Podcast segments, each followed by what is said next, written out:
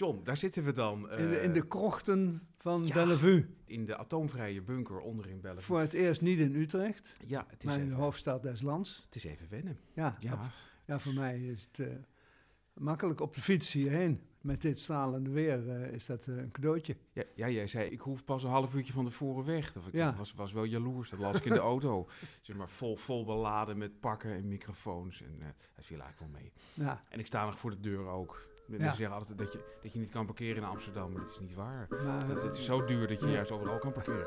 Dat is geen probleem. Dit is Camping de Vrijheid, de poëziepodcast van Ingmar Heitse en John Jansen van Galen.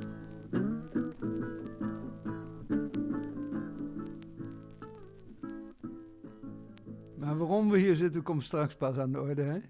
Ja, Je staat hier op de affiches, zal ik maar vast onthullen. Ja, dat is wel. eh, ja, het, het, het lijkt, lijkt egomaan, maar, ja, maar dat is het niet. Het, het kwam gewoon. Nee, we lijken wel zo'n talkshow voor televisie waar steeds voor hun eigen programma's reclame Ja, maken. eigen boeken omhoog houden. Ja.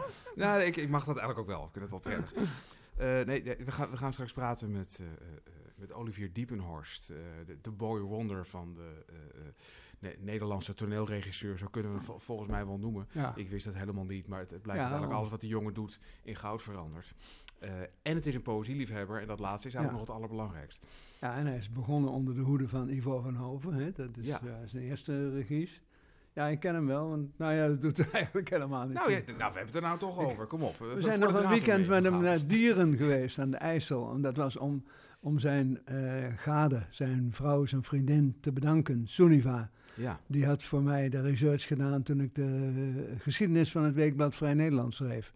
juist. En dat had ze zo. En we waren daardoor bevriend geraakt. En dat had ze ook zo goed gedaan dat we dachten: we gaan een weekend met ze naar Dieren. Daar heb je een hotel dat ligt in de bocht van de rivier. Ach, En toen hebben we ook lange wandelingen me- met ze gemaakt. En dat was enig. En zo ken ik Olivier. Nou, nee, we waren eerder al ook. We waren zo goed bevriend dat we ook op hun bruiloft zijn geweest. Olivier eh, heeft me een hele tijd geleden gevraagd eh, om twee korte stukken van Steve Burkhoff te vertalen. Mhm. En eh, dat, dat was wel heel bijzonder. Toen kwam ik er dus achter dat, de- dat, dat er een regisseur rondloopt in Nederland die van poëzie houdt. Want die dacht, laat maar een- ik denk laat dat dat wel vaker is hoor. Theater is natuurlijk verwant aan poëzie. Ik bedoel, Het is verwant. het begint maar- al met, met, met Shakespeare, zou ik maar zeggen. En, ja. en Schiller en eh, Vondel. Het is een en al poëzie. Oké, ja, dat, op zich, dat, dat is waar. Op zich is, eh hebben Brecht. theater veel, veel met elkaar te maken. En het is ook zo dat als dichters eenmaal worden overgehaald om theater te gaan schrijven, dat ze dat ook, ook geweldig vinden. Dat, dat, dat, dat, dat geldt voor Gerrit Komrij bijvoorbeeld. Eh, het geldt zeker ook voor mij. Ik denk dat het voor Ilja Vijver ook wel geldt. Die heeft ook eh, eigenlijk bijna in de schaduw van al die andere dingen die hij doet, een enorme turf aan, aan theaterstukken bij Ja. elkaar geschreven. Tom Lanois, ja, ga, ga, Ja, ga zo Tom Lanois, door. zeker. Eh, ja. Ook dichters eh, die- ook wel in hun manier van doen iets theatraals hebben. Dus dat klopt eigenlijk wel. Eigenlijk is het, is het wel een gezond huwelijk. Nee, wat ik eigenlijk bedoel is dat regisseurs die zeg maar van poëzie houden...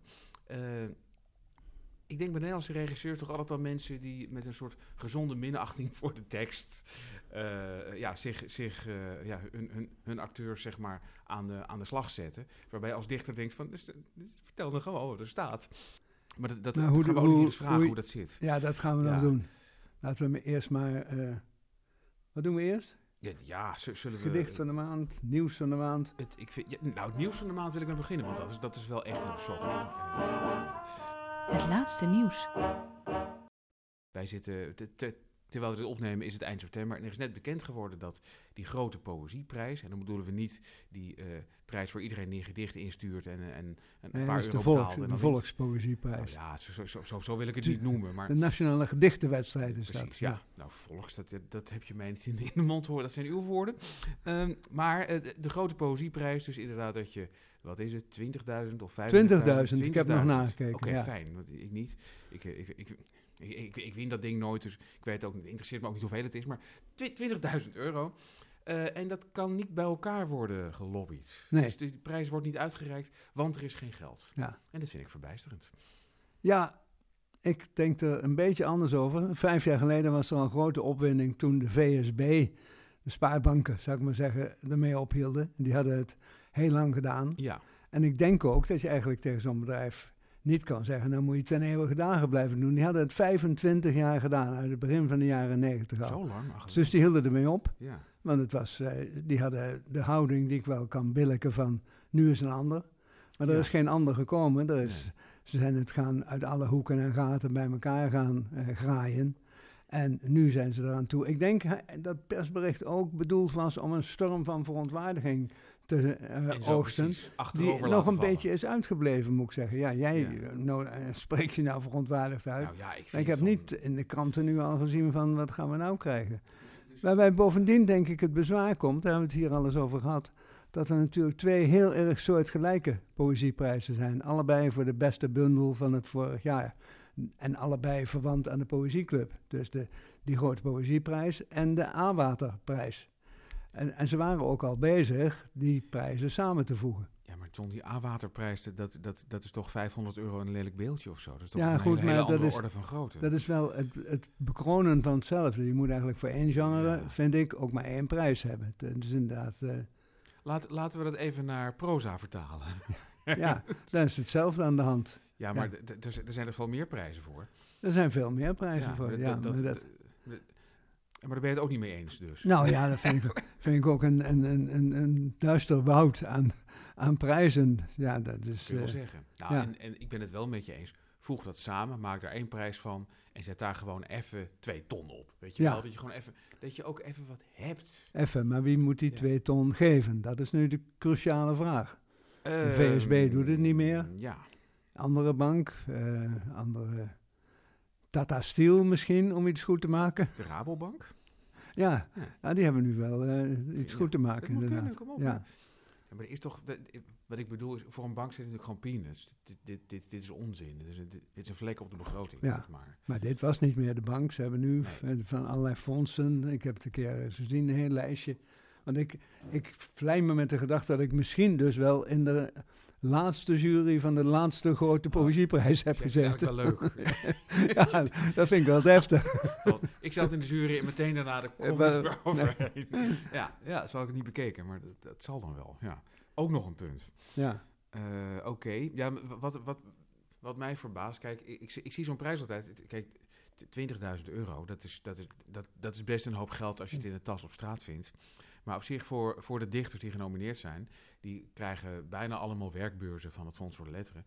En die, die werkbeurzen zijn, en, eh, eh, misschien klap ik uit de school, maar die zitten ook wel vaak zo'n beetje in, in de orde van grootte, afhankelijk van de status van de dichter, tussen pak een beter 10 en de 30.000 euro. oh Dus ja? je kunt het eigenlijk zien als een soort Extra beurs. erbij, Ja. ja. En dan, dan weet je ook van ja, het- het- 20.000 euro is best wel geld als het opeens op je bankrekening staat. Maar je, je kan ook zeggen, als je, als je het na- naar een modaal inkomen overzet, ja, dan ben je dus een half jaartje uit de. Ja, ja. Het is ook bruto, je moet het allemaal, je moet, je moet ook weer zeg maar belastinggeld over, over, over inleveren. Dus je, je kunt dan vijf, zes maanden kun je aan iets, zeg maar, word je vrijgehouden. ja. Kijk, zo, eh, zo, zo life-changing is dat natuurlijk ook niet. Dus, eh, heren van Tata Steel en de Rabobank, komt u over de brug. De brug der poëzie. Stelt u zich met ons in verbinding en, en Ja. dan noemen we het ook wel Wij- de Camping de Vrijheid Poëzieprijs. Laten we dat meteen. En wij blijven gewoon altijd in de jury zitten samen. Nou zijn we al een hele tijd bezig en hebben we nog geen gedicht gelezen. Zal ik dat eens doen? Ja, lees eens. Eh, ja, oh. Het gedicht van de maand. Dit is eh, het, een gedicht dat komt uit de Poëziekrant. De nieuwe Poëziekrant ziet er prachtig uit. Iduna Paalman op de voorpagina. Ja. Maar dat gedicht staat ook in het onovertroffen album van Caribische poëzie. Prachtig vormgegeven. Michiel van Kempen en Bert Paasman die overzien daar de hele ontwikkeling van de poëzie in Suriname en de Nederlandse Antillen. Het is een turf, hè? Dit- dit is- Voormalige dit- Nederlandse Antillen. Dit, dit is anderhalve Ja. kilo per poëzie met, met een prachtige preeg. Gouden Prachtig, preeg. ja. Dat is echt dat is een hebben ding, dat boek. En Alfred, hoe moet je zeggen, Schaffer of Schaffer? Weet Ik je zeg dat? Schaffer. Schaffer. Ik hoop dat klopt. Ja. Die ligt daar één gedicht uit van Pierre Laufer. En dat zal ik voorlezen. De Pierre Laufer is eigenlijk de beroemdste wijlendichter van eh, Curaçao. En dat heet Ik ben moe. Als jullie dan eindelijk aarde op mij hebben gegooid en de kuil is dicht, blijf dan niet staan wachten op een toespraak of aanstellerig gedoe van de een of andere comediant die zo nodig interessant moet doen. Ga weg, ga ver weg. Laat me alleen. Ik ben moe. Laat me rusten. Ik wil niet dat jullie aan mijn hoofdeinde een tamarindeboom planten om mijn schaduw te geven. De vogels zullen in zijn takken toch alleen maar voor jullie zingen. Op mijn graf wil ik geen enkele bloem. Ik kan van haar zoete geur niet meer genieten.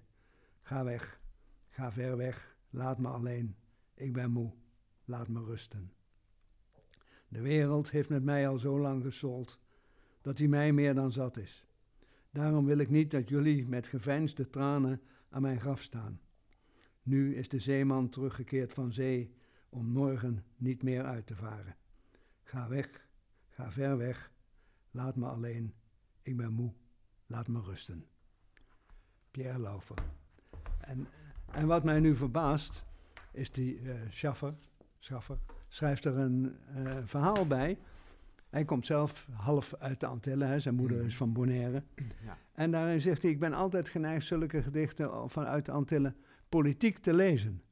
En dat heb ik nou helemaal niet gedaan. Hij zegt, uh, als jullie dan eindelijk, uh, ga ver weg, bemoei me niet met mij, al die vreemde snoeshanen, verkeerde toespraken. Dat, is, dat gaat eigenlijk over het neocolonialisme. Dat Nederland daar de basis is en steeds het woord wil voeren. En die mensen wil, wil voorschrijven hoe ze moeten leven. Ik moet zeggen, ik was verbijsterd toen ik dat las, want dat had ik er helemaal niet in gelezen. Jij? Uh, nee, maar ik besef ook opeens dat als ik dit nou hoor, van jou en van Alfred, uh, dat het een luxe is om het uh, strikt persoonlijk te lezen. Ja, ja, ja. ja, ja. Ik, ben, ik ben me daar steeds, steeds sterker van bewust. En, ja. dat, en dat komt omdat ik, uh, ik mocht een gedicht schrijven over, over Josephine Baker, naar aanleiding van een kunstwerk van Jacques Sleper, voor wie ik nu wat gedichten aan het schrijven ben. En, dus ik ging wat research doen. En ik vond een foto op de Wikipedia met Josephine Baker die in 1957 in de VND staat. En die wordt voorgesteld aan Sint en Piet. Ja, ja. Dus daar ah. staat ze dan prachtig in vol ornaat met, met, die, groot, met die grote grijns. En, de, en er staat dus een idioot verkleed als Sinterklaas en een nog grotere idioot slecht gesminkt als Zwarte Piet met een grote bak vol cadeaus, waarvan ik dan maar hoop ja. dat die voor, voor al die aangenomen kinderen waren. En dat je denkt, 1957, en dat je gewoon met terugwerkende kracht ja. een soort woede voelt over hoe halen ze het in hun hersens. Dat zo'n ster hierheen komt en dat ze er dan met Zwarte Piet confronteren. Ja, ik ben me er bij, bij nader inzien, uh, zie ik er ook wel iets in. Ik ben veel op die eilanden geweest, al, al die eilanden. En uh, dan denk je, ja, dat sentiment dat daar heerst is uh, al maar... Nederland moet ons helpen, Nederland moet dit voor ons doen. Ja. En aan de andere kant is ons schizofreen die ergernis over die voortdurende bemoeienis van Nederland. Die zegt, Ja. Nederland moet zich eigenlijk nergens mee bemoeien, moet ons helpen. Maar als ze dat helpen en stellen daar randvoorwaarden aan, dan is dat Ja. weer bemoeienis. Dus in die zin kan ik die uitleg van Alfred wel weer eh billiken. Misschien heeft Alfred het ook zo bedoeld. Ja, het, komt het, komt het komt nooit echt goed hè, wat dat betreft tussen, Nee. tussen Nederland en Het kan niet, kan niet goed komen. Nee, het is niet meer. eh, dat blijft de, de suikeroom-bezetter paradox. Ja, Die, ja, dat, ja ik, denk, ik denk eigenlijk dat, eh, dat dat misschien wel een van de mooiste dingen is van poëzie. Dat, dat mensen dat verschillend lezen vanuit verschillende achtergronden. ja, ja. en dat je het dat is- daarover over kan hebben, dat het iets fantastisch is. Ja. Vol verwachting klopt ons hart. Een poëtisch geschenk. Uitpakken. Wat, wat, wat heb je er? Oh, dit is een, een, een printje. Van Ja, een printje. Ja. Dat vond ik het geschenk van de maand. Vond ik zo Oh, mooi. Ik juist. kreeg een, Ja. ik kreeg een eh, bundel. En dat gebeurt wel vaker. En dan is er meestal één gedicht of twee om je lekker te maken. Dat je de rest van die gedichten ook wil hebben en het kan bestellen. Maar dit is eh, parkpoëzie. En dat werd zomaar compleet opgestuurd. Daar ontbreekt niks aan. Dat is, eh, van de, gaat uit van Poetry International. En die geeft het hier een bundel uit onder het thema herfst. Mhm. En dat zijn eh, prachtige gedichten. En je weet, het park in Rotterdam, daar staat het standbeeld van Hendrik Tollens, of dat nou. En daar is Poetry International ooit begonnen, in 1977. Juist. En in die, in die, in die tuin, in dat park. En nou heb ik hier een gedicht dat ik graag wil voorlezen. Dat is van Esther Naomi Perquin. Raad eens wie we tegenkwamen. Er was toch al met tegenzin, dat bleef je zien, een bankje neergezet. Hier dan, harde planken naast een boom, als je zo nodig zitten moet. Maar liefdeloos of niet, het bleef bezet. Een oude vrouw al in zichzelf gekrompen, half voorover, hoofd onder de takken door en kin vooruitgeschoven, alsof alles haar was overkomen, alles voor haar was gemaakt. Zo was dat ook. Zo keek ze je aan als je langskwam met je gewrichten nog nauwelijks krakend, met blakend van gezondheid je kinderen met liedjes zoekend naar eenden. En ze keek je aan dat je je schaamde, dat je je niet vaker schaamde, dat je uit had geslapen, dat je net een nieuwe droger was gaan kopen en vanavond pizza at. En dan lachte ze van, denk jij maar niet dat jij hier komt te zitten, jonge dame. Had je wat?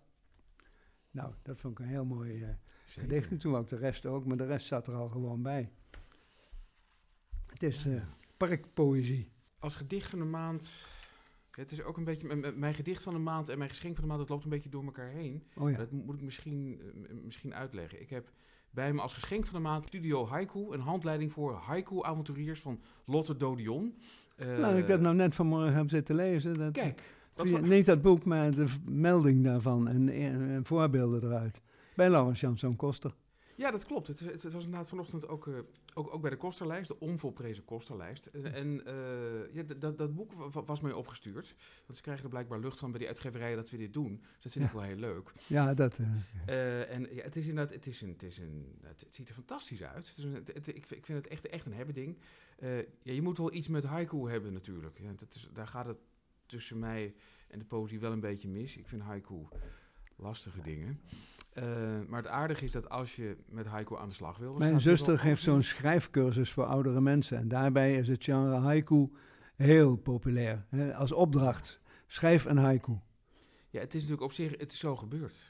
Ja, Daarom eraan. ook juist. Ja, eh, nee, het is, het is, het is wel, wat ik, wat ik heel leuk vind, is dat, is dat Lotte Dodion een, een- een, een, hele praktische hands-on eh, gids heeft. Eigenlijk eh, de haiku vanuit elke hoek belicht. Hoe je kunt schrijven, hoe, je het aan kan pakken. Eigenlijk is alles ook wel, ook, ook, ook wel goed, alles mag. En dat vind ik alleen al prettig. Ik kan er gewoon, eh, ik, doe, ik doe er gewoon een paar, want ja, het is, het is zo voorbij. Een flits. Eh, bijvoorbeeld een, een testaments-haiku stelt ze voor. Van, van, eh, eh, je, je kan zeg maar, als, als je denkt van nou, ik maak het niet zo lang meer, ik wil een gedicht achterlaten, dan ja, dat, dat kan je in een haiku vervatten. Ja. Het is ook fijn als je niet zoveel adem meer hebt, dan kun je dicteren. Bijvoorbeeld, op doffe dagen, de vonkel in je ogen, aanblazen tot vuur. Ja. pak aan. Dat, dat is dan wat je, wat, je, wat je na wil laten. Of, eh we pakken eens even iets. iets Zeg het iets niet zo anders. sceptisch. Ja, sorry. dit, dit, kom, ik, ben, ik, ben, ik, ben eigenlijk, ik moet, moet, moet het wel een beetje vriendelijker, vriendelijker brengen. Want ik, ja. vind, ik, vind, ik vind het heel erg leuk, eh, leuk bedacht namelijk. Ik vind eigenlijk het boek leuker dan, dan de haiku zelf. Er is ook een, een, een bekend gedicht, uh, Leonard Vijver, dat heet Geen haiku. Vlinder in de tuin. Mijn god dacht ik, als daar maar geen haiku van komt. Alleen, eh, dat klopt niet, want het is vlinder in de trein. Dat weet ik heel zeker. Dus Oh, dus ik, ja. ik heb meteen de eerste fout ook al gevonden. Kortom, ik heb een beetje ruzie met het boek. Maar Ja. het is wel een prachtig boek en het is een mooi geschenk. En Lotte de, de, de Dodion is iemand die, die ons heel vaardig door al die haiku heen eh, loodst. Er staan ook, kijk, er staan, staan ook een, een, een aantal regels achterin waar je dan je eigen haiku kan ja, kun schrijven. je, ja, het is Ja. voor zelfwerkzaamheid. eigenlijk is het onzin het boek. Maar het is wel leuke onzin. Eh, het totale tegenovergestelde van onzin, en, en, dat dat mijn gedicht of gedicht van de maand zijn, is een pamflet, Psychobesitas, van de dichter Arjan Witte. En dat is in eh, eh, kringen van eh, Utrechtse poëzieliefhebbers, is dat een naam. Arjan Witte is een... Arjan Winter. Witte. Witte. Arjan Witte, een zeer, een zeer bijzondere dichter. Tevens muzikant, heeft een tijd lang toetsen gespeeld. Nooit van gehoord, mag ik dat bekennen? Nou, het is, het is ook een cultheld. Hij is tevens de schrijver van de roman Rode Zeep. Eh, En dat is eigenlijk, dat is een fantastisch boek. Dat gaat eigenlijk over zijn, zijn, eh, zijn eigen jeugd, o- opgroeiend als, als patatjeugd in, in, de Utrechtse wijk Zuilen. waar net de Demka dicht is gegaan. Ja. Arjan Witte is een fantastische schrijver en dichter, activist, filosoof. Hij heeft geschreven over Spengler, hij weet er veel van.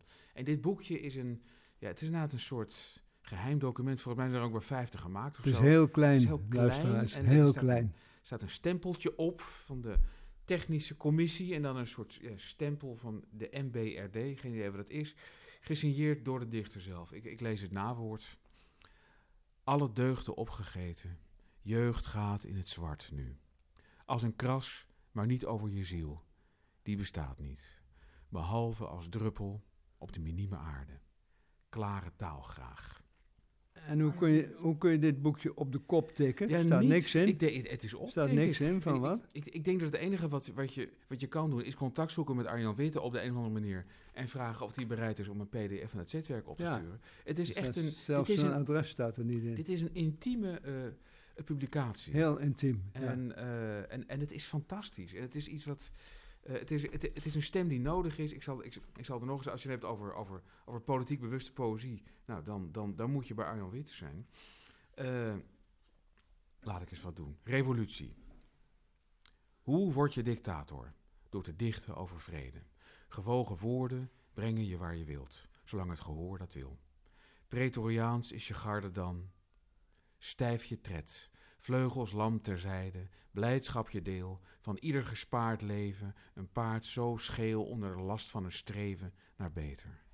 Tegen het weten in, gewichtig, lichtzinnig vermaak en alle medailles zelf laten maken. Ik doe er nog een. Paintball gedicht. Het regent vanavond dictators traag op dit dak. Salades verlaten achter hun vrouwen in de lak. Een vaste maan die hamburgers bakt en afval lokt en naar de standplaats voor wapenkoffers in de laadbak. Zomergroene uniformstof in het zijvak. Het is de eerste zondag, McDonald's dus. Bij elke geldgleuf die wordt gekraakt, iedere keer dat een agent wordt geraakt, een kind door het voortvluchtige gelovige overreden, de laatste bejaarde juwelier zwaar toegetakeld in de etalage van de winkelwoning, groeit een te oud kind naar het groene licht. Dichte camouflagepatronen, reikt, tast en vat het de trekker. Boosheid maakt dik en voegt het hart tot op ontploffen, breekt op proefverlof. Eet onsmakelijk, ploeg van doders. Wie van dit vlees eet, eet het zijne. De kinderen in de hel likken hun lippen af bij het horen van je gesmak.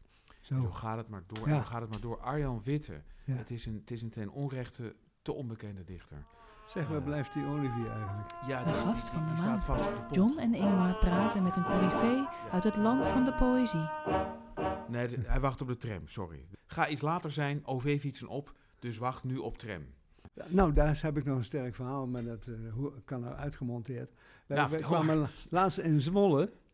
Ja. En eh, omdat wij geen auto kunnen rijden en een eh, hotel hadden geboekt per ongeluk, helemaal in het PEC-stadion bevond zich dat. Ja, In het stadion, hartstikke mooi hotel trouwens. ja. Lumen, licht, ja. Ja.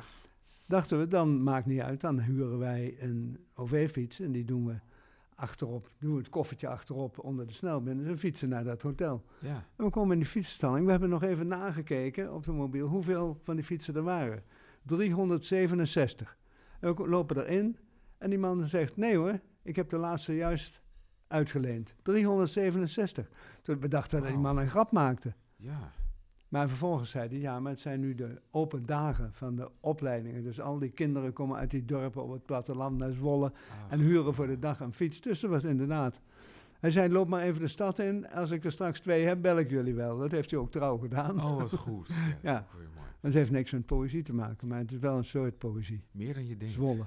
Meer dan je denkt, vind ik. Zwolle zonder dolle is Ja, een einde stad, hè? dat weet ja, je nog. Als ik denk, eh, ik heb geen zin meer in die Randstad, dan denk ik eigenlijk Zutphen, Deventer, Zwolle. Dat zijn de steden waar ik... Zutphen, op richt. ja, Zutphen, Deventer. Zwolle, absoluut. Alle drie. Kan, dat me, kan me erin prettig. vinden. Ja. zeker. Eigenlijk kom ik overal graag, behalve in Veenendaal. De- Veenendaal trek ik niet. Vind ik ook geen stad. Veenendaal, nee. Ja. Ik heb lang, lang een project gehad om de lelijkste plaats van Nederland te vinden. En? Dacht ik ook in, ik dacht aan Helmond. Ja. Maar Helmond heb je midden in de stad weer een mooi oud kasteel staan nog, in de, in de bebouwing. ja maar Hetzelfde geldt voor Almelo. Almelo heb je dan weer een prachtige laan naar het, naar het kasteel toe. ja. Dus ik ben niet helemaal uitgekomen wat nou echt. Maar die uit de krachtig gegroeide dorpen, die zijn erg. ja, dat is erg. Heer Hugo Waard bijvoorbeeld, dat is, daar is dus niks te zien. De oude dorpskern is verdwenen en verder zijn het eindeloze Ja, eh, ja, woonerven, zou ik maar zeggen. ja dat, dat, dat, zijn natuurlijk gewoon ontplofte dorpen inderdaad. Dat Ja, is, dat is dat is erg. het probleem. ja. En da- daar- daar is ook eigenlijk heel weinig aan te, aan te doen. Dat is gewoon ja, de tijd die er overheen is gegaan en dat, en dat, en dat slechte he- heeft achtergelaten. Ik moet er nou aan denken dat ik ooit een keer voor de, voor de krant, voor het het Nieuwsblad, op pad werd gestuurd om Dick Bruna te interviewen over wat hij de mooiste plek vond van Utrecht en de lelijkste plek. De mooiste plek, ik weet niet meer, ik ineens wat hij zei. Misschien wel gewoon zijn eigen atelier in de Jeruzalemstraat. Eh, en toen vroeg ik hem wat de lelijkste plek was. En toen... eh, eh, en, en dat wist hij niet. Hij zei, ik weet het echt niet. Zei, ja, maar Dick, Hoogkatrijnen, uh, Kanaal. Ja. Hij wist het echt niet. Hij zei, Nee. zo kijk ik niet naar de wereld. Oké. Wat een man, hè? Wat een held. Ja, wat een held. Nou, daar is Olivier. We gaan gewoon maar door, Olivier, hè? welkom. Wat fijn dat je er bent. Dat, Ja. dat, dat valt toch nog heel erg mee. Ja. Ja, we zijn al begonnen. Ja, de- Ja, we hebben het eerste altijd, half uur ja. al. Onze vaste rubrieken hebben we al eh, afgewerkt. Eh, Klaar. Dus, eh, Gedicht van de maand, nieuws van de maand, geschenk van de maand. Allemaal al gehad. Heb je ook koffie gehad of zo? Ben, ben je, ben Ik heb, nee, ik heb, nog- ik heb nog geen koffie Dus gehad. zal, ik, dat- zal, dat zal ik kan even een, een- een rondje halen voor ons? Kunnen jullie even, eh, even bijkletsen over, eh, Ja, over, over alles? En dan Ja. doe ik zo terug. Nou, helemaal goed. Ja, het is, ik, ik maak normaal gesproken ze- zelf mijn cappuccino's. Dat ontberen we hier een beetje. Ja. Dus hier staat een machine, daar het. kun je Ja, op doe, maar, doe maar espresso, want voor de rest het is het is überhaupt drama. Met wat. Volgens mij Ja. vanzelf espresso. Espresso is het minst erg. En je kan ook op een wieltje draaien en dan kun je hem op intensief zetten. Dat, Oh. dat- dan heb je er nog iets aan. Het is een Duits apparaat. Ja, Ja, oké, ja. ja, dat kan ik. Oké. Oh. Ja, iemand, iemand schijnt ooit water in het bonenreservoir gegooid te hebben. En sindsdien komt het niet helemaal meer goed met dat ding. Olivier, Ingmar, wat John. fijn dat je er bent. Ja, Nou, leuk dat jullie me hebben gevraagd. Je bent een regisseur die van eh, poëzie houdt. Is dat, eh, eh, John en ik zaten te filosoferen in jouw afwezigheid. Is dat wijdverbreid onder regisseurs, voor zover je eh, Ja. weet? hij zei dat is, dat, ik was verrast door eh, eh, schrijvers die ook connectie hebben met theater. Maar toen zei ik nog, het hele theater is begonnen met dichters. Shakespeare, Schiller, Brecht. eh, Ja, en eh, de, laten we de oude Grieken, Vondel, niet, oude ja. Grieken niet vergeten. ja, Toch? De Euripides, Sophocles. Ja. eh, allemaal, allemaal dichters. Ja, ja, vroeger was natuurlijk het vak, ja, toneelschrijvers waren dichters. ja, dat bedoel ik. Ja, die, dat was, dat, daar was helemaal geen onderscheid in. Ehm, ja, ik denk het wel dat ze er zijn, meer regisseurs die van, van, van Mhm. poëzie houden. Of op een of andere manier iets met poëzie hebben zonder dat ze dat misschien zelf. Maar is het bij jou begonnen ja. met theater of begonnen met poëzie? Het is wel begonnen met theater. Ja, denk ik. Ehm, al is het ook, ook een beetje een soort gelijksoortig parcours. Ja, ik heb het Ingmar ooit wel eens verteld, maar toen ik, ik heb in de zesde klas, eh, toen samen met twee goede vrienden, eh, die nog steeds mijn beste vrienden zijn, hadden we eigenlijk een beetje onafhankelijk van elkaar The Secret History gelezen van Donna Tartt. ja, Waar we toen erg als, als eh, gymnasiasten in het laatste jaar van onder de indruk Ja. waren. En ik denk geïnspireerd daardoor hebben we toen een whisky- en gedichtenclub eh, opgericht. oh ja. Uh, daarvoor Whisky waren en we whisky en gedichten. In die volgorde. in, die, in die ja. volgorde, ja. Dat is ook wel... eh, de, de whisky is gebleven, de gedichten zijn langzaam maar zeker Ja, wel ja. verdwenen. Al mogen we elkaar nog steeds graag eh, poëziebundels cadeau doen met verjaardagen. Vaak met een fles whisky erbij. Ehm, en daar is denk ik wel een beetje begonnen dat, dat je... Ja, dat er, dat er po- poëziebundels bestaan en dat het leuk is om daar, daaruit Ja. voor te lezen aan, aan elkaar.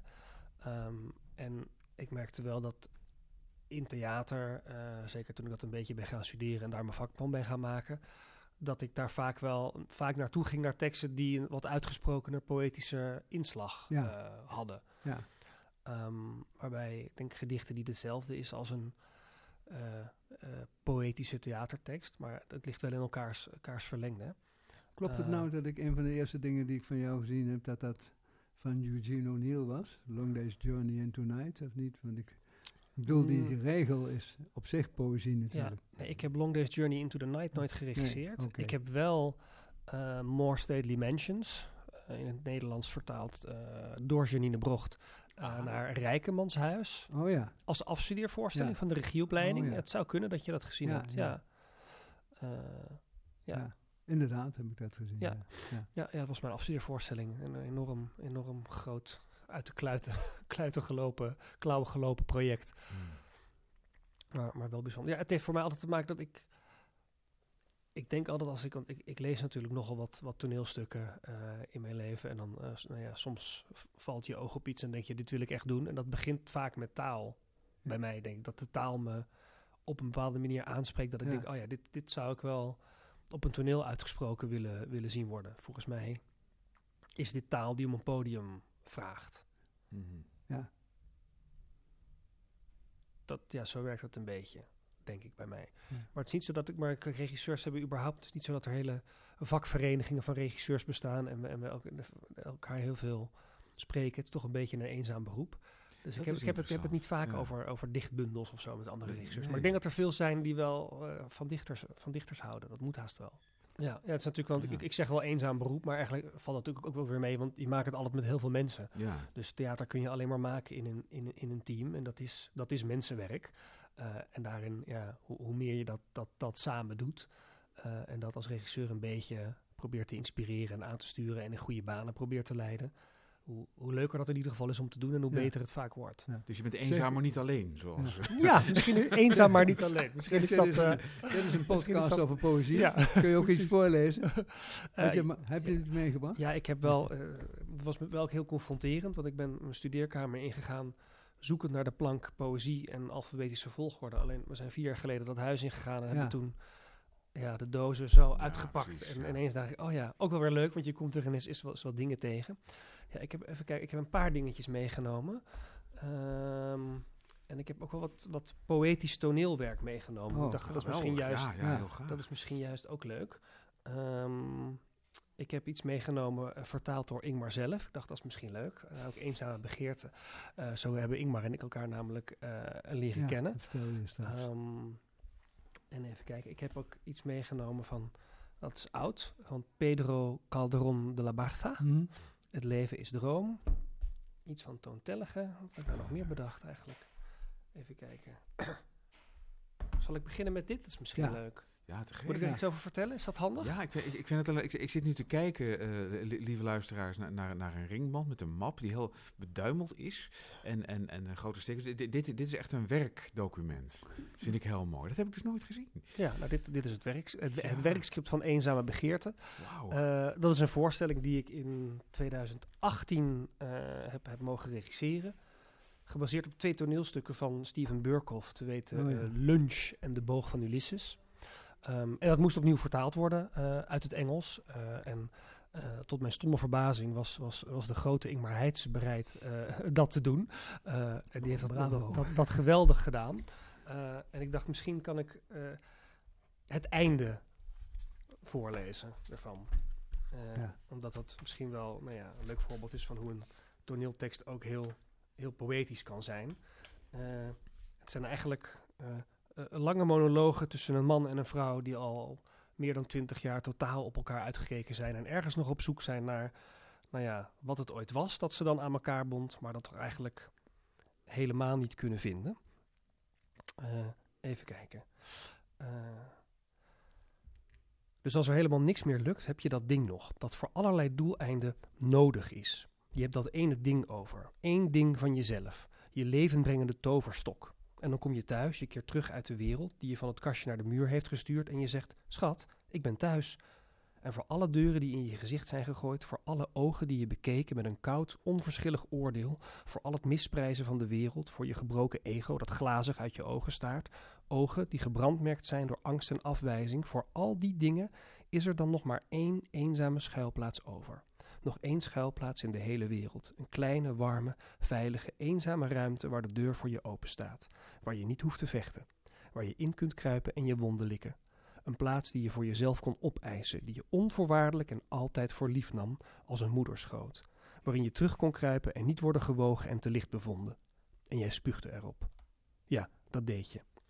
En als ik er niet meer ben, als er nergens meer een plek is om weg te kruipen, als je niets anders rest dan lege ruimte en onbetaalde rekeningen, als er in de koelkast alleen maar zure melk staat en het filmkanaal herhalingen van herhalingen herhaalt, wat niet uitmaakt, want het wordt toch afgesloten, omdat jij blind verwacht dat ik de rekeningen betaal en ook nog eens de genezer ben van jouw vergiftigde ziel. Kortom, als jij terugkeert naar jouw hol van dode leegte, dan ben je vrij. Ik laat je vrij. Zo. Maar jij zegt het moest opnieuw vertaald worden. Het was een het keer stu- vertaald, maar dat was verouderde taal. nou, het toneelstuk Lunch was vertaald. ja. En dat had hij, eh, en hij heeft geloof ik twintig jaar na dato, heeft hij toen het stuk The Bow of Ulysses eh, geschreven. Oh, ja. En dat was niet vertaald. En ik dacht, Ah. ja, we kunnen niet Bow of Ulysses opnieuw vertalen en dan dat andere stuk, nee, dan eh, moeten we- die oude vertaling gebruiken. Ja, dat ja, moet gewoon helemaal opnieuw gebeuren. Ja, dat is duidelijk. Nou, dus, dus, dus zodoende. Ja, de oude vertaling was, was trouwens keurig, maar die, die, heb, die heb ik genegeerd zeg maar, tot, tot ik helemaal klaar was. En toen, toen ben ik nog eens gaan kijken, inderdaad, die, de vertaling van het eerste stuk, eh, hoe, dat, hoe dat gedaan was. En daar heb ik ook nogal dingen, dingen uitgehaald die, die, die in mijn vertaling weer, weer, weer verbeterd hebben. Dat is, dat is op zich prima. Eh, alleen wat minder exuberant. Het, ja, het was, was, was wat- meer werkbare tekst. En daar had ik helemaal geen zin in. Ik dacht, het moet, het moet echt... Ja, dat gif moet er gewoon in. Het, het is zo donker.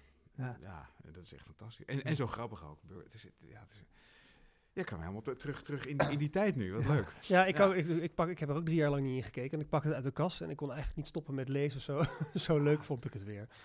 Dus dat, dat was al... eh. Het was, het, was, het was een goede keuze van, je om, om, die, om, om die stukken te gebruiken. Dat is echt... eh, ja. ja, ja, en een hele leuke kennismaking. Want da- daardoor hebben we nu, eh, nu de wanen kunnen maken. ja. dat Vertel eens, hebben we het al eh, in het begin heel even over gehad, hoe dat tot stand is gekomen, de wanen. Ging het van jou uit of van jou? Nou, ja, van ons beiden wel. Ja, eigenlijk, eigenlijk eh, door, door Olivier komt het. En, en het enige is dat, dat ik dacht, na al het vertalen van... Ik wil zelf ook wel eens zo'n ding gewoon proberen te schrijven uit het niets. Ja, Ja, en dat heb je toen een beetje omslachtig in een e-mail gezegd van... nou, dit vond ik superleuk, ik wil nog wel eens vertalen. En misschien zou ik ooit wel eens een keer zelf mijn vingers eraan willen branden... aan het schrijven van een toneelstuk. En nou ja, toen heb ik je volgens mij vrij snel opgebeld en gevraagd... nou ja, maar wil je dat dan echt? Want dat wil ik ook. en, en toen hebben we Bellevue opgebeld en eigenlijk van het Ja. een kwam het ander. En het Ja. onderwerp komt wel echt uit jouw koker. ja, We hadden volgens mij drie of vier ideeën. En, en, en dit was de enige die ook echt steek hield. De enige waarbij iedereen ook, zeg maar, wakker werd van... Ja, dat, dat we hadden, we drie of vier ideeën. Dus ja, eh, ja we, zijn, we, zijn, we, zijn, we zijn toen gaan zitten samen inderdaad. Ja. En, en met ideetjes ook, ook, ja, spuiend. En ik weet op een gegeven moment haalde ik... eh, ik denk de bundel Ademhalen onder de maan. Ja, Ik denk dat, klopt, ik uit, uit, uit mijn tas ja. haalde. Eh, en daarin stond het gedicht achter ons. Eh Ja. Toen zei ik van tegen Ingmar, ja, we zouden ook vanuit een gedicht kunnen beginnen. En ik vind dit gedicht zo, eh, zo bijzonder en dat, dat ja, eh, het maakt zo benieuwd. Eh, ja, en toen bleek daar een wereld van, van, van nog veel meer wanen achter te zitten. Eh, waaruit die hele voorstelling is, is geboren. Maar het is Ja. wel begonnen met een gedicht dat ook nog een soort van in de voorstelling verwerkt zit. Toch Ja, gedeeltelijk klopt. teksten Ja, van. ja, Ja. zeker. Ja. Een Ja. goed deel zelfs. Ja. Ja. Dus ja, het, het, het, het, het klopte wel of zo. Ja, de de andere ideeën waren ook best slecht. Dus dat hielp ook, dat is allemaal ook ta- tamelijk on- on- onhaalbaar. Eh, ik, ik, ik heb het wel onderschat hoor, John. Ja, Zo'n toneelstuk schrijven, dat is toch kan ook me wel een vak. voorstellen. Ik dacht, dat doe ik wel even, maar dat, is- dat, was, dat is toch echt niet waar. Ja, begin ja. ja. Ja. maar het resultaat mag er wel zijn. Nou, er is nog even iets. Ja, eh, even kijken. Dan ga ik. eh, dan pak ik dit er even bij. Eh, het is ook een Ja, gedicht mooi. dat al heel lang met me meereist. Het is van Toon Tellige. Oh ja. Dat heet De Ontdekking. Een man ontdekte dat liefde niet bestaat. Het was een schitterende ontdekking. Hij werd beroemd. Hij hield lezingen, gaf interviews, lichtte zijn bevindingen uitvoerig toe. En alle mensen schudden hun hoofd van verbazing. Maar ze haalden ook opgelucht adem, want zij bestonden nog wel. En achter hun deuren, tussen hun jassen, in hun kelders omhelzen zij elkaar. In het donker. Prooien van een eenzame begeerte. Want liefde is een verzinsel. Ja, Toon. Tellegen, dat is Ja, leuk. Toon heel goed. Ja. Ja. Ja, en daar heb ik, bedenk me nu, ja. heb ik de titel vandaag gehaald Ja, voor dat. Ah, verdomd. Dat is goed. En wat, wat heb je nog meer bij? Ik zie, eh, Ehm, even kijken. ja, ik heb, be- ben gewoon een beetje gaan kijken naar wat zijn nou ook vooral poëtische, echt uitgesproken poëtische dingen die ik heb gedaan. Dus ik heb iets vrij zwarts mee. Dat is Aars van Peter Verhelst en Luc Perceval. Eh, en Het leven is droom van Pedro de Calderon de la Barca. Eh, en ik zou ook nog iets uit Mamma Medea kunnen doen. Eh, en nog iets van Menno Nou. Wigman heb ik in mijn telefoon staan. Nou, ik Ja. zou zeggen, het, het, het- het- ik, ik, ik kan niet kiezen, toch? Nee. Dus het gewoon, eh, ja. Je zult zelf moeten kiezen. Dus moet ik, dat moet ik nee, kiezen. gewoon doen. Gewoon, Ja? ja, volgens mij prima. Eh. Ik, Wigman is natuurlijk ook iets, eh, Ja. iets, iets fantastisch. Die, die, die, die komt in onze conversaties ook nog wel eens langs. Vaak natuurlijk. langs. Dat, dat Ja. zal wel toch? Ja. Ja, ja. dat is Ja. een fantastische dichter. Ja. Ja. Ja. Eh, eh, rien ne va plus. Hm. Je zult maar 16 zijn en lelijk, zoals jij. Maar je wil dichter worden. Melk de woorden van Rimbaud en Baudelaire en slurpt je moeders soep onder vijandig licht. En s'avonds op je kamer zit je hardnekkig je verwekkerstuk te schrijven.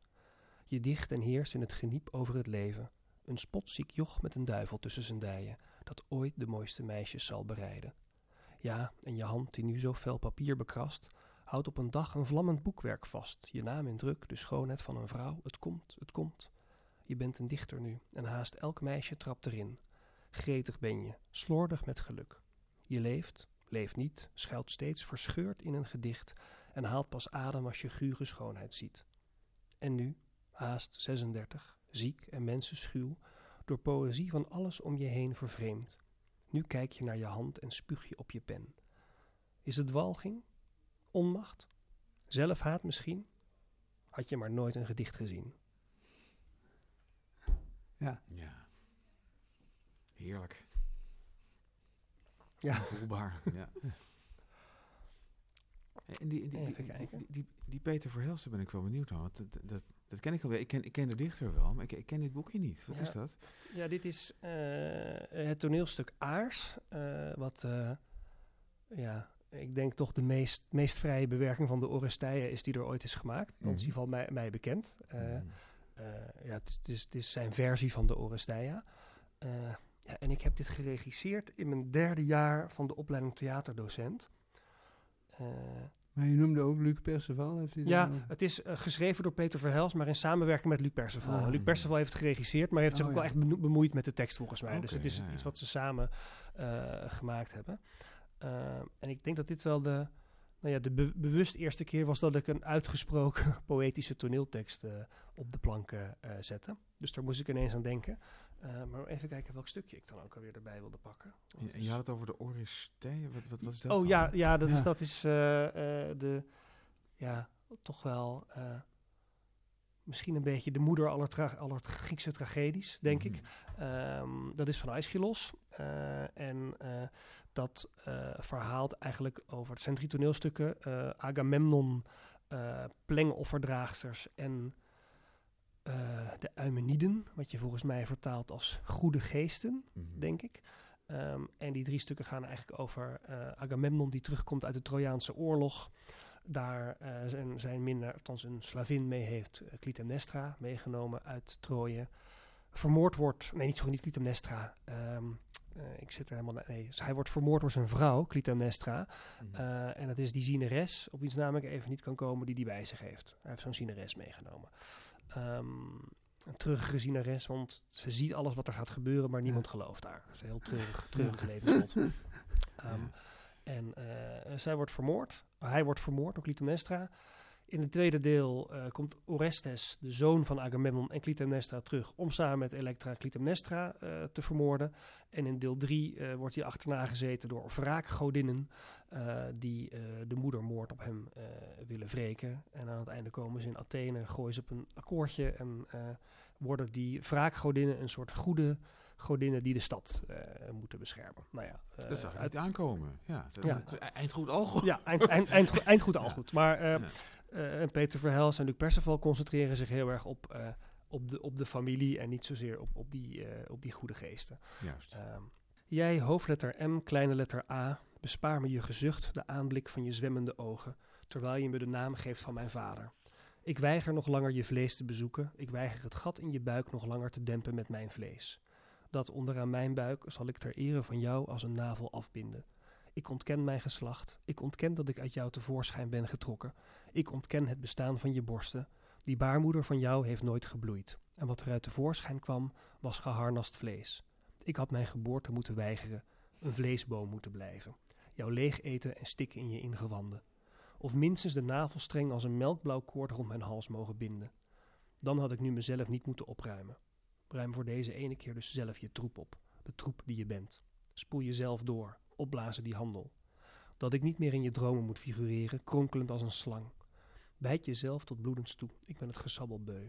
Speel zelf het serpent. Slik jezelf in, leg je in je eigen maagsap te marineren en doe hem de groeten. Het stuk van mijn vader dat we niet hebben beschadigd. Met een beetje handigheid knutsel je een nieuw lichaam uit jullie beide lijken, maar als het kan, liefst eentje zonder hoofd en zeker zonder vrouwelijke buik. Kom, letter M, kleine letter A. Open die mond. Open. Open je mond zoals je met je benen deed. Herken je dit? Ja. Wauw. Ik had mijn geboorte Ik had mijn geboorte moeten weigeren. Dat is, blijft Ja. hangen, hè? Dat, eh, Dat is Wat een heerlijk stuk tekst. Ja. ja. En, en, en, en, en inderdaad, dit, dit, dit, dit, is natuurlijk eigenlijk spoken word. Dit is slam ook. Zeg Ja. maar. Ja. Je kan, kan dit prima. eh, maar, maar dan beter. Ja, hogere dichtheid. Ja. Ja. Wauw.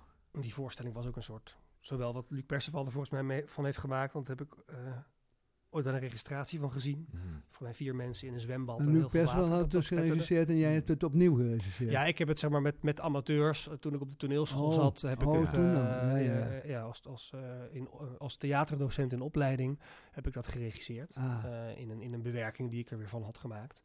Eh, ook als een soort gedicht eigenlijk. Een visueel gedicht was het Ja. geworden, Mhm. Te gek. denk Ja. ik. Ja. In 2006 of zo. Tijdje terug. Zes? Ja, 16, 2006? Nee, 2006 is dat geweest. Ja, ik denk steeds, Olivier is, is in onze ogen nog vreselijk jong. Maar Ja. hij is, hij is, Ja, maar Hij is dat- toch weer ouder. bezig, ook, ja. ook al 38. Ja. Of Ja, pas. oh of ja, ja, ja, Ja, dat ja, ja, is 38. Voor ons, ja. Weer 38 zijn, Jon. Ja. Wauw. Nog iets? Ja, Ja. graag. Ja. Oké. Ik, ik hang aan je lippen. Heerlijk. Dan, eh, ja, dit is eh, van de eh, in ons eh, taalgebied niet zo heel erg bekende Pedro Calderón de la Barca. Maar eh, is de, ik denk toch wel de grootste Spaanse eh, barok eh, dichter, eh, toneelschrijver. Eh, en ik heb het, eh, zijn magnum opus Het leven is droom eh, mogen regisseren. Twee weken nadat ik vader was geworden van eh, onze oudste dochter. Dus het was een bijzondere periode. Kun je nog iets van Ehm, herinneren? Nee, ja, ja ik kan, wat ik me alleen maar kan herinneren was dat die hele repetitieperiode eigenlijk dat ik het alleen maar heerlijk vond om daar naartoe te gaan, om een bank neer te ploffen. En ja, dat, dat- was uitrusten eigenlijk van, Ja. van, van, van, van thuis. Nou, dat klinkt Ja. overbekend. Ja, dat was dat wer- werken was uitrusten. Eh, en dat was heerlijk. En Ja. eh, ja, wat ik ongelooflijk leuk vind aan, eh, eh, aan, aan dit stuk, maar ook aan al zijn stukken en aan eh, die hele Spaanse barok, is dat er geloof ik acht verschillende versvormen in dit toneelstuk zitten. Wij zijn heel erg bekend met schrijvers die, nou ja, bijvoorbeeld een toneelstuk in Alexandrijnen Ja. schrijven, Ja, ja, of in blanke versen, of weet ik in welke andere versvorm. Maar hier werd er al naar gelang eh, het, het personage, of het een hoger personage of een lager personage was, vorm en het soort scène dat er aan de gang was, Ja. werd er, wordt er een andere versvorm voor Ja. gekozen, wat het eh, heel dynamisch eh, Mhm. maakt. En, eh, en, dat en- is, en een helm te vertalen. ja, dus het is wa- waanzinnig mooi vertaald door Erik Koenen. Dat is ook de enige, Oh, enige Nederlander die het ooit op deze manier vertaald heeft. Ja. Eh, en ook de moed heeft gehad om daardoor heel veel vrijheid te nemen. Want dat moet natuurlijk als je Ja, die, die versvormen naar het. Nederlands wil, wil vertalen. Eh, en dit komt denk ik uit de beroemdste monoloog die erin zit. Even kijken. eh, 68. Er valt niet aan te ontkomen. Mijn geraas, mijn hovaardij, het wilde beest dat woedt in mij, dien ik krachtig in te tomen voor het geval we alleen maar dromen wat wij zijn in dit bestaan. Want ervaring toont mij aan dat ons leven dat moet zijn. Louter droom, een schone schijn, die opeens teloor zal gaan. Ja, de koning droomt zijn kroon, en zich trots erin vergissend zit hij heersend en beslissend en bevelend op zijn troon. Maar zijn macht en praalvertoon zijn vergankelijke zaken, die hij stervend kwijt zal raken. En wie taalt dan nog naar macht, wetend dat het lot hem wacht in de droom des doods te ontwaken? En de rijke droomt zijn geld dat hem geen gemoedsrust geeft, en de arme dat hij leeft in de armoede die hem kwelt. En zo droomt wie met geweld hogerop wil, droomt wie rooft, droomt wie krenkt en droomt wie slooft. Want een droom is in conclusie heel het leven. Een illusie waarin iedereen gelooft. Zo droom ik me nu alsnog vastgeketend in een kerker. Maar veel machtiger en sterker droomde ik me eerder toch? Wat is het leven? Puur bedrog. Wat is het leven? Ijdel streven, waan tot werkelijkheid verheven. Schimmenspel van gaan en komen. Immers, dromen zijn maar dromen. En een droom is heel het leven. En wie speelde dat toen? Eh, Christian Schellingerhout. En, eh, die deed dat tamelijk onafvolgbaar. Verrukkelijk. het lijkt me dan wel weer, eh, zeg maar... ik, ik bedoel, de vertaler moet door de hel zijn gegaan. Ik denk, ik denk dat, eh, dat de acteurs in kwestie... Natuurlijk, dat, hebben natuurlijk heel veel, heel veel handgrepen om, om die teksten Ja, te dat, dat, nou, dat is wat ik eigenlijk bijna bij alle eh, poëtische teksten, zeker de poëtische teksten die, die ritmisch of op metrum eh, zijn Ja. geschreven, dat eh, vaak schrikken ze eerst ook wel. Dat Ja. het is ook een soort keurslijf waar Ja, je je toe ja. moet verhouden. En een acteur wil natuurlijk, ja, die wil dat die taal mooi is, maar die wil Ja. vooral ook dat het, dat het invoelbaar is en Ja. dat, dat het echt is en dat je, dat je het kunt geloven. Ehm, maar ja, als het goed gedaan is, voel je ook vaak dat het, het geeft heel veel. Ja. Dus het is ook een tekst die je ergens kan brengen. De musicaliteit ervan eh, ja, kan, kan ook een bepaalde emotie Ja, oproepen ja. of een spanning of wat dan ook. Dus, en vaak leert het uiteindelijk weer makkelijker. Maar ja, de grote kunst is wel, en dat kunnen acteurs veel beter dan ik, is dat je, dat je het gebruikt, maar niet, niet als een soort Sinterklaasrijmpje gaat laten horen. Dus je, moet het ook, je moet het ook weer stuk kunnen maken en tegelijkertijd toch, ja, je moet er muziek mee gaan maken. En dat is, het is echt een partituur waar je, ja, waar je op moet gaan, mee moet gaan spelen en op moet gaan improviseren. ja, dat begrijp ik. Moeilijk, vooral voor de regisseur, of niet? Om dat, die balans te vinden. Eh, ja, maar ook wel. eh, ja, ik vind het ook heerlijk. eh, gek genoeg. Ehm, ik heb het vaak met, met teksten waar dit helemaal niet bij is. Die regisseer ik ook wel eens en dat is ook de moeite waard. Ja. Ehm, maar goed, en dan bedoel ik zeg maar teksten die ja, meer vanuit een soort realisme of meer vanuit inhoud en wat minder eh, vanuit, vanuit muzikaliteit of ritme Ja, ja, of poëzie geschreven zijn. Ehm, en dat vind ik vaak in beginsel moeilijker. Eh, en ik weet niet zo goed waarom. Ik denk dat, als die taal mooi is of zo, dan heb je dat al. Dan heb je dat iets al om, om in je handen om in je handen te houden en, en, en vanuit te vertrekken. En het is iets dat geschreven is om op een podium uitgesproken eh, te worden. Het, is, Ja, het heeft dan een ja. esthetiek van zichzelf Ja. waar je toe kan verhouden. En dat vind ik heel, eh, Mhm. ja. Ja. dat vind ik heel prettig Ja. en heel Ja, aangenaam. dat, dat, dat, dat is fijn om te horen. Zeg maar, en nam- namens iedereen die wel eens ge- geprobeerd heeft om iets te schrijven wat op een podium gebracht wordt. Ik heb het idee dat, dat, dat er ook nog wel eens wat, eh, eh, nou, minachting is het woord niet, maar meer, weet, weet, je, weet je wat vormgevers ook wel eens met tekst kunnen hebben. Dat ze eigenlijk, eigenlijk, eigenlijk last hebben van die tekst, want die zet Ja. een mooie vormgeving in de weg. Staat- En ja. er, is, er zijn er ook wel theatermakers waarbij je de indruk hebt dat ze tekst ook maar zien als iets van, nou ja, eh, ja, dat is er ook nog. Ze moeten nou eenmaal wat zeggen. Maar Ja. eigenlijk is het maar lastig, denk, denk ik soms. ja, dat klopt. eh, Ja, ja die, die, die, lo- die lopen er ook tussen. Ja. Ja, Maar die kunnen hele mooie beelden maken. ja. ja dat is Ja. ook zo. Het is, het is ook, ook niet per se eh, daarom verkeerd natuurlijk. Nee. Maar, maar, maar het levert ander theater op. Ja. Waar ben je nu mee bezig? Ehm, even kijken, ja, dus De Waan is nu net in première gegaan. Ja. Ik ga vrijdag beginnen met repeteren met eh, Benja Bruining. Eh, Oh. Ook aan een, eh, een solo ehm, die hij zelf, waar hij mij voor benaderd heeft. En dat is een monoloog van een Engelse auteur, Nick Payne. Alive, Ja. Een Leven, in, in zijn vertaling.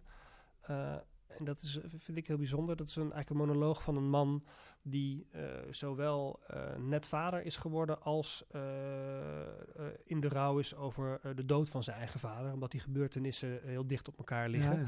En eigenlijk niet, ja, niet toekomt aan dat vaderschap, omdat hij nog niet over de dood van zijn eigen vader heen is. En dat is heel mooi, op een hele spannende manier. Ehm, is, dat soort, is dat door elkaar heen geschreven, dat je heel vaak in de monoloog niet precies weet waar je nu, nu bent. Omdat ineens midden in de nacht naar een ziekenhuis gegaan wordt, maar en dan komen ze in het Ah. ziekenhuis en dan zijn ze ineens weer bij het, sterfbed van die vader. Dus het, al die gebeurtenissen die op elkaar lijken, omdat ze op dezelfde plekken gebeuren. Eh, dus dat, dat ga ik Ja. doen. En ondertussen ben ik een bewerking aan het afronden eh, voor de voorstelling Gelukzoekers op Sumatra. Eh, dat komt half januari uit. 18 januari, Dat is geloof ik. van uh, Sekeli Lulov? Ja, dat is gebaseerd op twee romans van, Romans eh van Madelon Sekeli Sekeli Lulovs, Lulovs. Op de romans Rubber en Coolie. Ja. En dat gaat over de Ah, rubberplantages op, eh, Ja. op de oostkust van Sumatra. Ja. In de jaren 20 van de vorige eeuw. Dus geen lichtere kost. Nee, nee, Nee. ik doe, doe geen lichtere kost. Nee. Het is eigenlijk gek dat zij nooit zoveel erkenning heeft gevonden. Ik bedoel, ze is lang niet zo beroemd als Couperus. Of, eh, Nee, ze is een beetje vergeten, hè? Ja. Ja, ja ik, ik weet heb ook niet waar. inderdaad graag gelezen. Ik heb ook een portret van haar geschreven in de tijd van de Haagse Post. Maar En eh, hoe, Oh, hoe, ik hoe, zou dat komen? Is dit een genderkwestie? Eh, of is dat te makkelijk? het is een, Ja, ja, ze is natuurlijk na, na, na het verschijnen van die roman eh, Rubber is in ieder geval zowel veel sensatie over de geweest als dat ze totaal Ja. verguisd is. Ja. ja.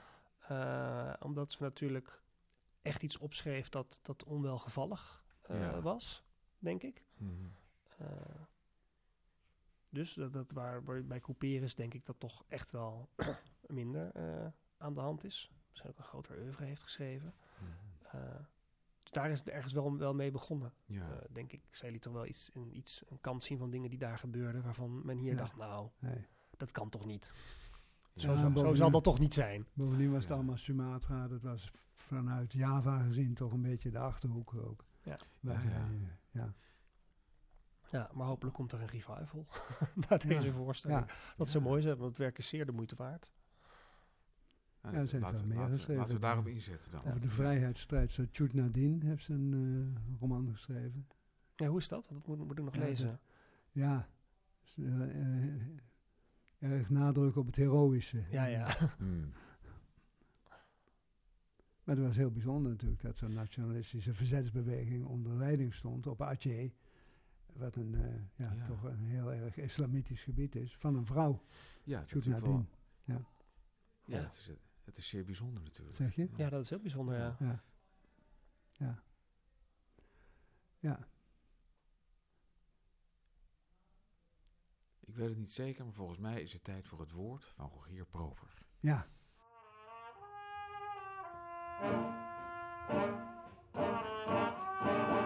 Het verdwijnwoord van Rogier Proper. Woelwater. Van oorsprong stamt dit verdwijnende woord woelwater uit de binnenscheperij. Een wereld apart waar Simenon mooie boekjes eh, liet spelen. Wie ooit wel eens op een brug heeft staan kijken naar het water dat achter een passerend binnenvaartschip rondwoelt, weet wat woelwater is. Overdrachtelijk werd het tot voor kort gebruikt voor een onrustig kind, wat nu een ADHD-klantje wordt genoemd. Sinds dat met pillen wordt versuft, zo'n klantje, hoor je ook niemand meer spreken van een woelwater. Wat erg jammer is. Nou, verder. Verder gaan wij ons weegs. Of doe nou, heb je bij je, je Ja, ik heb nog- bundeltje, een stapeltje Eén klaar? dingetje had ik volgens Graag. mij eh, graag. meegenomen. Oh, nee, ik, heb, ik heb er twee. Eentje kan ik uit mijn hoofd. Eh, dat is het gedicht Steen van Vazalis. Oh ja. En dat is... eh, met die whisky- en gedichtenclub openden we altijd de avond met het gedicht Steen van Vazalis. Terwijl we nou, gedrie- ken je het ook uit je hoofd. Daardoor ken ik het uit mijn hoofd. Idee. ik heb, had daar jaren en jaren niet aan gedacht. Ehm, totdat ik afgelopen mei eh, regisseerde ik de voorstelling eh, De Oost bevrijd, vraagteken, eh, in het kader van Theater naar de Dam in Carré. En eh, Dido Michielsen, de auteur van Lichter Ja. dan ik, had een monoloog geschreven als input voor die voorstelling over haar Indische vader. En dat had als motto die, dat gedicht meegekregen. Ja. Dus dan dacht ik van, hè, toen kwam ik deze dat gedicht weer tegen. Het gedicht heet Steen. Het gaat als volgt. Verdriet kit al mijn krachten samen, zodat ik roerloos word als steen. Mijn hele wezen wordt materie, een ondoordringbaar star mysterie. O sla de rots, opdat ik ween. John, kun je eigenlijk gedicht uit je hoofd? Nee.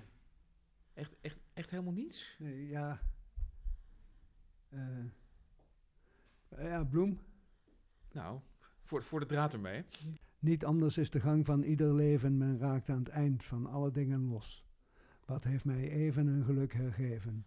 Een nevelige einder, een verdoezeld bos. Nou, dan wil ik nog eh, eh, het gedicht Seizoenen van, eh van Konrad Gouderseunen erin gooien. Ja. Past heel goed in season.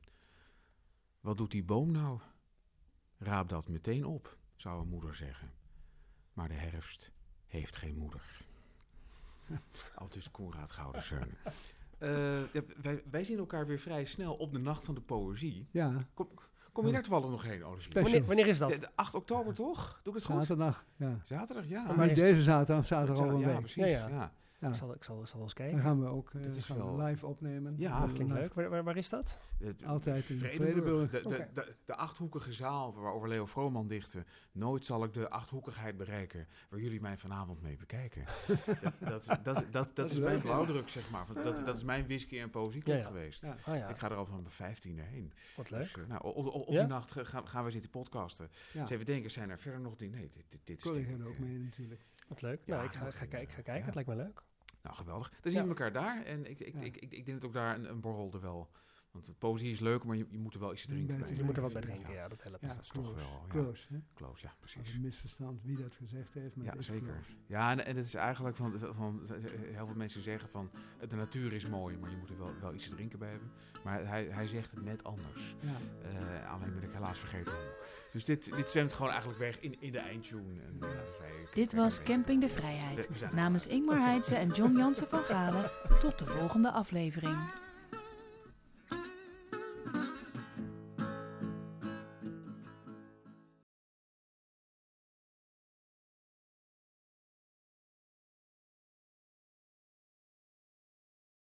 Draait hoor. Ja? Ga je gang. Oké, eh, dit is uit, uit Mama eh, Medea, de Medea-bewerking van Tom Lanois. Ehm, o laffe, platte, hypocriete klootzak, al is dat laatste woord verkeerd gekozen voor wie zo weinig weggeeft van een vent. Hoe durft u nog uw troon niet te vertonen? Maar ik ben blij dat u gekomen bent. Er ligt nog het een en ander op mijn lever en het is te hopen dat de waarheid kwetst. De feiten kunnen het getuigen. Ik heb u gered in Kolgis bij uw proef. Dat gulden vlies verwierft u dankzij mij. Ontsnapt aan het Kolgisch leger? Dankzij mij. Uw reisretour naar Jolkos? Dankzij mij. En wie werd daar het meest voor schut gezet? Ik. Wie had haar hand, land, huis en land verlaten? Ik. Haar zuster in de steek gelaten? Ik. Haar vader en haar broer verraden? Ik. Verblind van liefde een paljas gevolgd, vol hoop naar Jolkos meegevaren? Ik. En wie kreeg daar zijn zaak niet van de grond? U. Wie zat een zakkenas te janken? U. Wie vroeg mij om een plan te smeden? U.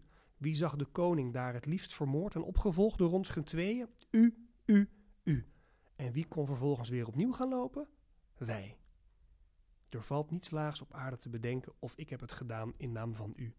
Nooit heb ik iets gekend van waarde of ik heb het afgestaan in naam van u. En thans ruilt u mij in voor jonger vlees? Ik kon uw stap misschien nog snappen, hadden we geen kinderen gemaakt, maar nu? U hebt uw woord en eed van trouw vermorzeld. U hebt mijn lijf bevuild, mijn hart besmet, mijn lippen doen ontsteken met uw kus. U, biedt, u biedt uw gulle hulp aan. Zegt mij dus, naar waar moet ik straks gaan? Naar vaders huis, de dochters van de dode vorst van Jolkos? Die staan voorzeker klaar met open armen. Om uwentwille wacht mij enkel haat in elke stad en streek die tussen mij en mijn geliefde land van herkomst staat. En daar wacht mij de grootste walg van al.